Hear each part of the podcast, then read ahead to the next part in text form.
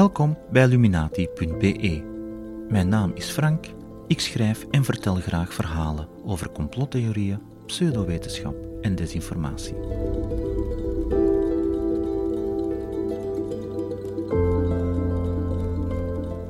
Mijn eerste reeks afleveringen gaat over een onderwerp dat me sinds 2016 nauw aan het hart ligt: het geloof dat de aarde plat is.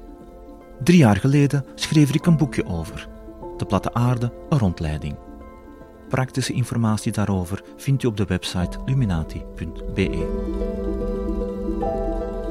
In twee afleveringen zoom ik in op verschillende aspecten van het platte aardegedoe. In dit eerste deel vertel ik onder meer wat hedendaagse platte aarders geloven. In deel 2 doe ik een hele rits complottheorieën uit de doeken die gelovers in verband brengen met niets minder dan de eeuwige strijd tussen goed en kwaad. Met hoofdletters. Transcript, beeldmateriaal en bronnen die staan op luminati.be. In het begin was het buikgevoel, ook bij mijn overgrootvader. Die geloofde dat de aarde plat was, al dus de familiekronieken. Als de aarde al een bol was, zo redeneerde hij, dan zouden de mensen onderaan er toch afvallen. Zijn cafématen daagden hem regelmatig en met veel plezier uit tot discussies. Dom was hij niet, maar hij had nu ook niet bepaald een studiehoofd. Gewoon een harde werker en een brave huisvader, met een buikgevoel en een mening. En dat is vaak een hardnekkige alliantie, wars van de scholing, de opleiding, het beroep. De oudste culturen hielden ook vast aan datzelfde buikgevoel en gingen uit van een platte aarde. Neem nu de Bijbel. Deze verzameling geschriften stamt uit een periode van bijna duizend jaar en de boeken werden geschreven in verschillende culturele contexten. Toch is het wereldbeeld in het Oude Testament vrij eenduidig. Het vertelt drie basisideeën die belangrijk zijn voor de moderne platte aarders. De aarde is plat, beweegt niet en ze wordt afgedekt door een koepel. Ook in het Nieuwe Testament vinden we verwijzingen naar de vorm van de aarde. De duivel nam Jezus mee naar een berg, van waar hij hem alle koninkrijken ter wereld toonde in hun heerlijkheid. Matthias boek 4, vers 8.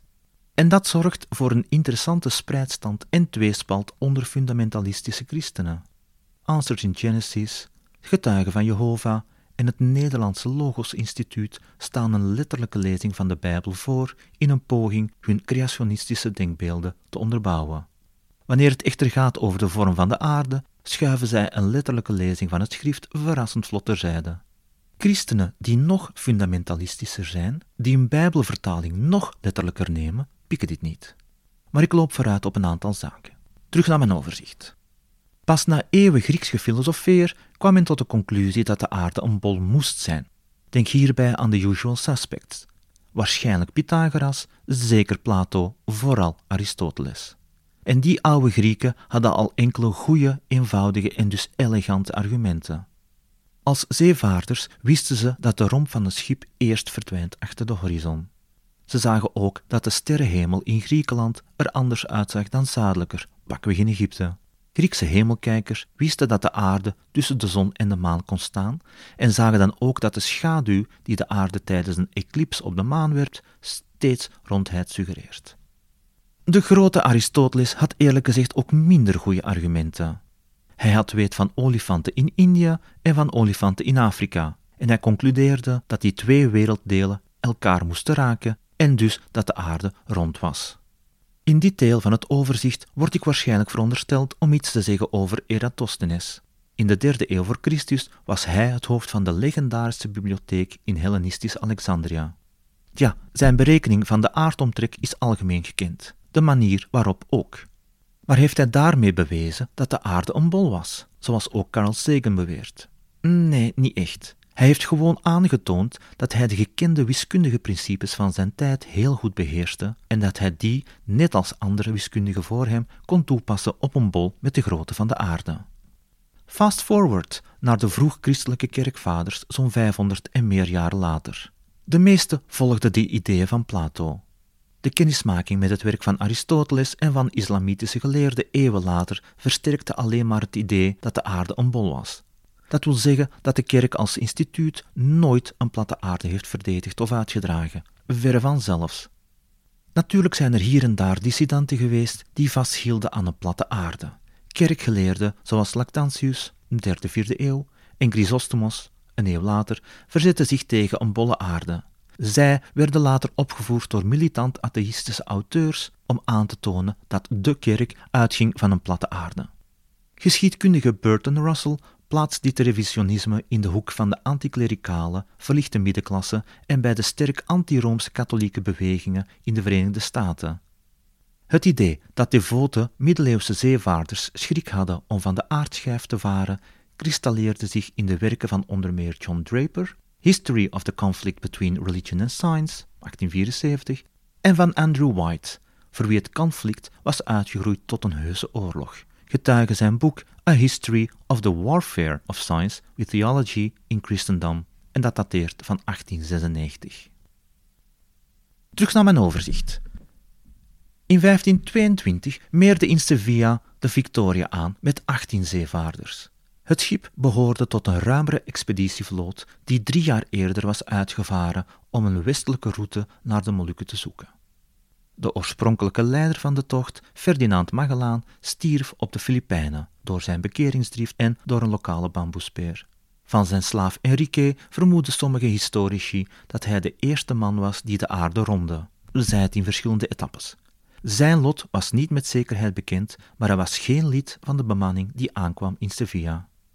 De zeventien mannen onder bevel van Juan Sebastián Elcano waren de eerste die de aarde in één beurt rondvoeren. De Standaard vandaag heeft er een interessante podcast aan besteed. Na de klassieke Griekse filosofen en hun bol duurde het nog zo'n 2000 jaar voordat wetenschappers er goed en wel van overtuigd geraakten dat die aarde ook nog eens bewoog, rond de eigen as en rond de zon.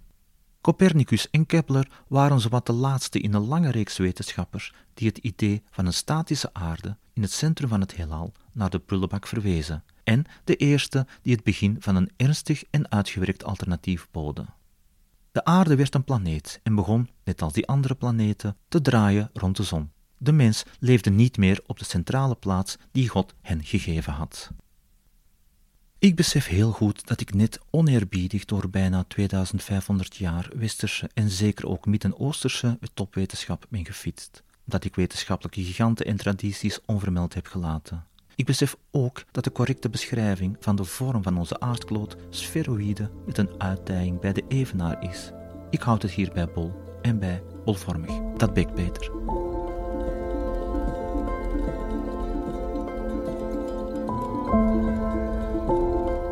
Het menselijk buikgevoel is niet alleen hardnekkig en moeilijk te overtuigen. Vaak maakt het dwars en tegendraads.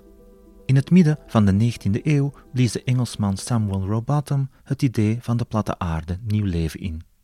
Als oud-leider van een utopisch-socialistische gemeenschap kende hij de frustraties van de lagere, vaak misnoegde, steeds onderbetaalde arbeidersklasse. En zelf had de man ook geld nodig. Via lezingen en debatavonden wist hij een betalend publiek op te bouwen, geholpen door de gefascineerde media. Robotham oreerde niet alleen over de platte aarde, maar ook over wetenschappers en hun entourage, die hoegenaamd geen geldzorgen hadden. Hij wilde de wetenschap uit de klauwen redden van de elite, van de toenmalige 1%, en die teruggeven aan de gewone mensen. Robotham kon goed overweg met zijn toehoorders en hij gebruikte graag dure woorden om indruk op hen te maken. Een van die dure, ronkende woorden was zetetic of zethetisch. Ik bespaar u de Griekse etymologie, maar het betekent zoveel als empirisch vaststellen na onderzoek. En dat in tegenstelling tot filosoferen, veronderstellen of wiskundig formuleren, zoals Plato, Aristoteles, Copernicus of Newton dat vanuit hun luie zouden hebben gedaan, aldus Robatum. In het parlando van hedendaagse kennisrebellen met een internetconnectie, zethetisch is gelijk aan zelf onderzoeken. Ook heel belangrijk, Robotham kende zijn Bijbel. Pas wanneer hij aansluiting vond bij organisatoren van grotere debatavonden en lezingen en bij religieuzen uit de hogere echelons, ging zijn bal echt aan het rollen. En rollen deed hij. Zijn ideeën werden verspreid en opgepikt door strenggelovige christenen aan weerskanten van de Atlantische Oceaan. Tot de jaren 1930 zou de burgemeester van het Amerikaanse Zion City de krantenkoppen halen met zijn anti-intellectualisme, religieuze scherpslijperij en militant geloof in de platte aarde. Nog een fast forward tot 1956. Toen richtte de Britse Samuel Shenton de Flat Earth Society op. Het was een logisch gevolg van zijn jongensdroom. Als kind bedacht hij een luchtschip dat terecht naar boven stijgt, tot hoog in de atmosfeer, om dan te blijven hangen en te wachten. De draaiende aarde zou de bestemming als het ware onder het hangende tuig presenteren, zodat het enkel nog maar hoefde te dalen. Zijn eigen onderzoek in de British Library bracht hem bij platte aarders die het foute idee omwille van foute argumenten afschoten, en uiteindelijk bij de geschriften van Robotham. Shenton was op slag bekeerd. Vaak wordt de Flat Earth Society beschouwd als de organisatie die alle platte aarders verenigt, maar niets is minder waar.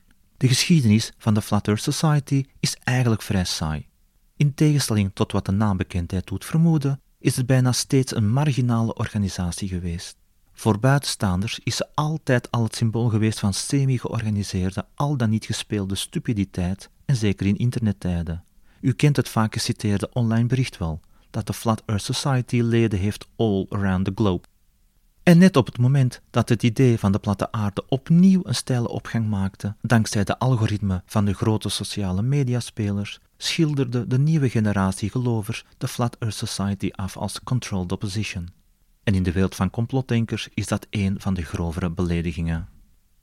De verantwoordelijke voor deze halve vadermoord was Eric Dubai, een ervaren bedenker en verspreider van samenzweringsverhalen, Ku Klux Klan fanboy en holocaustontkenner. Hij bracht de platte aarde terug in de belangstelling van een publiek dat eerder beschikte over een verbinding met het WWW dan met de realiteit. We schrijven eind 2015, begin 2016. De terugkeer van de platte aarde werd versneld door sociale netwerken als Reddit, Facebook en de videowebsite YouTube, die grof geld verdienen aan desinformatie en complottheorieën. Tristan Harris, voormalig technologie-ethicus bij Google, zei er het volgende over. YouTube kent een heel spectrum tussen de rustige sectie, denk aan de oerdegelijke presentator Walter Cronkite en Carl Sagan, en Crazy Town, waar de extreme inhoud te vinden is. Mocht ik YouTube zijn en ik wilde jou aanzetten om meer te kijken, dan zou ik je altijd naar Crazy Town leiden. Mensen die op zoek zijn naar een bepaald recept, stoppen meestal met zoeken en kijken wanneer ze dat recept gevonden hebben. Dat brengt Google weinig op. Mensen die geïnteresseerd zijn in complottheorieën getuigen vaak dat ze zich gewillig van de ene video naar de andere video laten leiden door de algoritme van YouTube.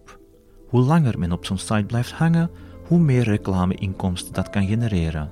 Hetzelfde geldt voor Facebook.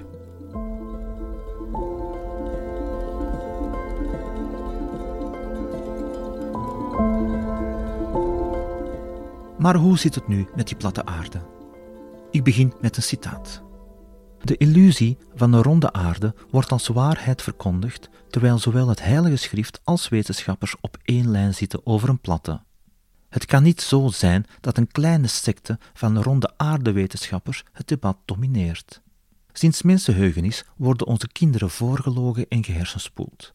Het belachelijke idee dat de aarde een bal zou zijn, die ons allemaal aantrekt als een soort reuzenmagneet, moet tegengesproken worden. Dat vertelt ons het satirische online magazine De Speld. En eerlijk, het vat de denkwereld van hedendaagse platte aarders verrassend goed samen. De aarde is geen bol, zwaartekracht is een absurd idee en de theorie van de ronde aarde is een complot van een kleine groep mensen die hun waarheid willen opdringen aan diepgelovige volwassenen en vooral aan hun kinderen. Maar ik ga graag een stap verder dan de speld. Verrassend genoeg heeft de zin platte aarders geloven dat de aarde plat is weinig betekenis. De opvattingen van gelovers over wat de aarde precies behelst en hoe die platte aarde er nu zou moeten uitzien, lopen ver uit elkaar.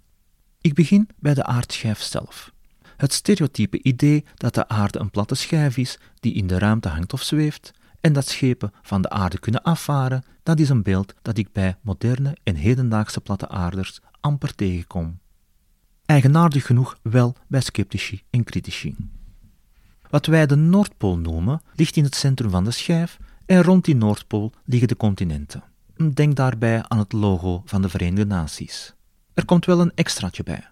De meeste moderne gelovers denken dat de aardschijf omringd wordt door een muur van ijs. En hier beginnen de problemen. Volgens Robotham is die muur of barrière 80 tot 100 mijl breed. De Nederlandse platte aarder Klaas Dijkstra schreef dan weer in 1963 Want in plaats van een zuidpool onder de aarde ligt er om de platte aarde een ringwal van ijsbarrières, wat uiteindelijk een tot hiertoe en niet verder is. Tijdens de Flat Earth Conference in 2016 had men het over een ijsvlakte van 500 kilometer, een oneindige ijsvlakte, een oneindige ijsvlakte die andere werelden zou bevatten. Enfin, heel precieze resultaten geeft het eigen onderzoek blijkbaar niet.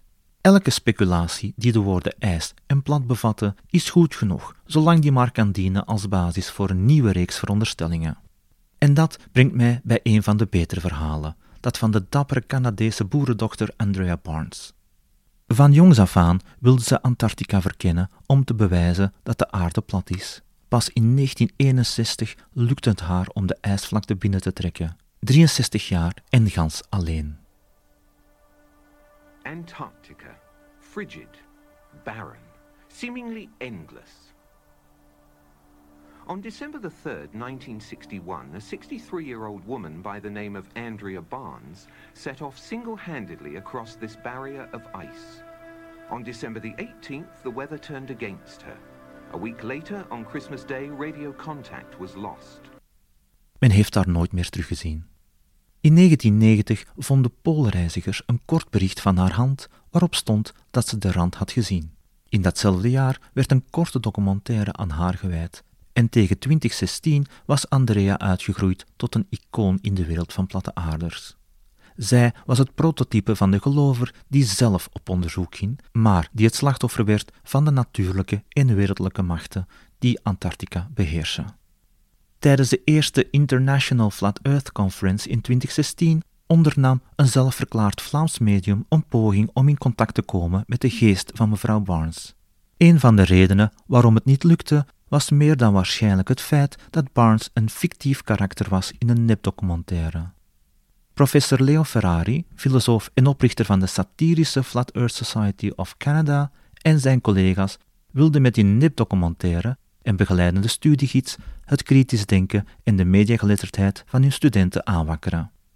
De bewustwording bij de platte aarders verliep in drie kenmerkende fasen. 1. De nepdocumentaire van 1990 werd in eerste instantie kritiekloos voor waar aangenomen. Fase 2. De nepdocumentaire en het begeleidende lesmateriaal van professor Ferrari waren een poging van de NWO om de erfenis van Andrea te besmeuren. Laatste fase. Mevrouw Barnes werd stilletjes de platte aardefolklore uitgeschoffeld. Men heeft haar nooit meer teruggezien.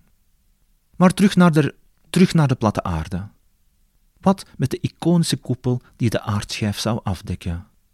Sommige platte aarders ontkennen het bestaan van zo'n firmament.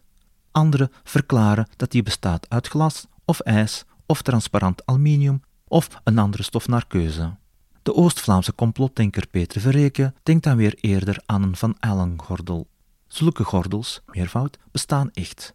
Het zijn zones van geladen deeltjes die op hun plaats worden gehouden door het magnetisch veld van de aarde.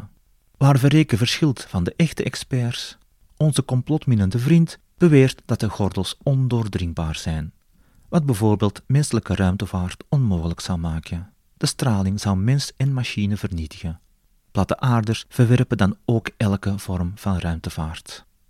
Nu al bij al heb ik de indruk dat het idee van een koepel, in welke vorm dan ook, op zijn retour is. Nog minder consensus is er over de zon en de maan. Meestal worden ze voorgesteld als zeer kleine objecten met een doorsnee van zo'n 50 kilometer, die laag over de aarde scheren. Afhankelijk van het fenomeen dat platte aarders proberen te beschrijven, bewegen beide hemellichamen zich in een draaiend yin-yang patroon, of maken ze groter of kleiner wordende concentrische cirkels, of draaien ze gewoon rond in een niet nader beschreven patroon. Over de planeten is men zo mogelijk nog vager. Ofwel bevinden ze zich dicht bij de aarde, al dan niet onder de koepel, of ver voorbij de Van Allenbelt. Ofwel zijn ze niet echt, het product van beeldmanipulatie door NASA en andere ruimteagentschappen.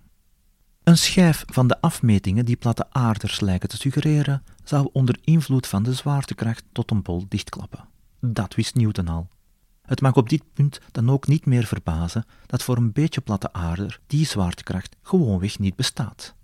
Objecten vallen nu eenmaal, al dus de Flat Earth Society over deze kwestie.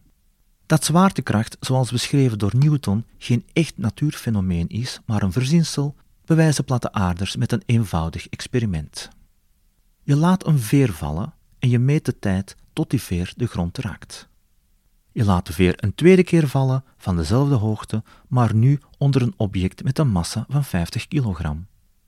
De theorie van de zwaartekracht zou voorspellen, al dus platte aarders, dat diezelfde veer trager valt door de aantrekkingskracht van die bovenhangende massa van 50 kilogram. En dat is niet het geval. De tweede keer valt de veer even snel naar beneden. De enige mogelijke conclusie, volgens platte aarders, zwaartekracht bestaat niet. Een ander bewijs omvat dan weer een hoop veren, of beter een complete vogel. Vogels vliegen en dat op zich is een geldig argument tegen de zwaartekracht, al dus de vrienden van de platte aarde. Er zijn voorlopig drie stromingen die een halfslachtige poging doen om een alternatieve theorie te formuleren. De eerste verwijst naar densiteit en drijfvermogen. Een tweede theorie stelt dat de aardschijf samen met de ijsvlakte een opwaartse beweging maakt met een versnelling van 9,8 meter per seconde kwadraat. Een derde cluster van ideeën verwijst naar de plasmacosmologie en het idee van het elektrisch universum. Deze stelt dat elektromagnetische krachten effecten veroorzaken die op zwaartekracht lijken. Welke, hm, dat is dan weer koffiedik kijken. Welke mechanisme achter die voorstellen zou zitten, is ook niet meteen duidelijk. En de druk vanuit de platte aardegemeenschap om dit fenomeen afdoende te verklaren is zeer klein. In de drie gevallen zijn formules of berekeningen niet aan de meeste platte aarders besteed. Herinner u, platte aarders zijn zeteten, empirische onderzoekers. Zij leven niet in modellen, het echte leven laat zich niet vatten in saaie formules of moeilijke wiskunde. De vermeende natuurkundige eigenschappen van de platte aarde in het universum zijn als losse elementen in een grabbelton. Gelovers met enige ambitie kiezen vrij blind en willekeurig verschillende onderdelen en smeden die dan naar eigen goeddunken samen tot een geheel. Dat noemt men zethetisch in het oude en eigen onderzoek doen in het moderne jargon. Gelovers maken een eigen verhaal en gaan dan op zoek naar online en directe gratificatie, vaak in de vorm van een like op de sociale media, soms in de vorm van een dollarteken. Er is niet één persoon die de lijnen uitzet, niet één centrale figuur die de verhalen vertelt.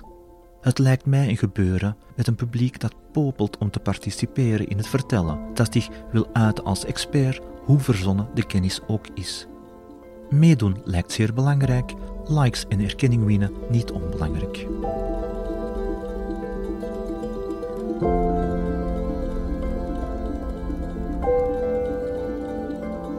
En wat met de sceptici? Op luminati.be vindt u links naar websites die de pseudowetenschappelijke desinformatie van platte aarders element per element en op een bevattelijke manier fileren. Zelf vind ik discussiëren met platte aarders futiel, contraproductief zelfs. Sceptici en andere critici zouden ook mogen begrijpen dat het geheel van bij elkaar gesprokkelde waanideetjes een emotie moeten vormgeven. Ze zouden mogen begrijpen dat een robuust wetenschappelijke theorie tot stand brengen gewoonweg niet aan de orde is, hoe hard gelovers ook pretenderen. We moeten de platte aarde verhalen dan ook niet als een wetenschappelijke, slecht wetenschappelijke theorie behandelen. Het idee dat de aarde plat zou zijn is vrij onschuldig. Het bedreigt niemands welzijn, in tegenstelling bijvoorbeeld tot rabiaat antivaccinatieactivisme. Waarom zich ermee bezighouden als men ook de schouders eens kan ophalen om zoveel onnozelheid? Uitzonderlijke ideeën vereisen tegenwoordig uitzonderlijke complottheorieën. In het tweede deel zoom ik in op de vele samenzweringen die in kringen van platte aarders aangehangen worden en probeer ik een antwoord te geven op de vraag: maar waarom toch? En in deel 2 kom ik terug op de eerder vermelde christenen die nog fundamentalistischer zijn. Mijn naam is Frank. Ik ben behalve germanist en lesgever ook een boekengek en veellezer. Pseudowetenschap en complottheorieën, dat zijn mijn onderwerpen. En die benader ik sceptisch en rationeel. Zo beeld ik mij toch in. Voor zover ik weet is er geen enkele organisatie, VZ2, broederschap, grootloge, religieuze orde, geheime dienst, nest reptielmensen of wat dan ook die wil dat ik in hun naam schrijf of spreek. Ik ben er zeker van dat mijn uitleg voor verbetering vatbaar is. Ik sta dan ook open voor correcties. U weet mij te vinden.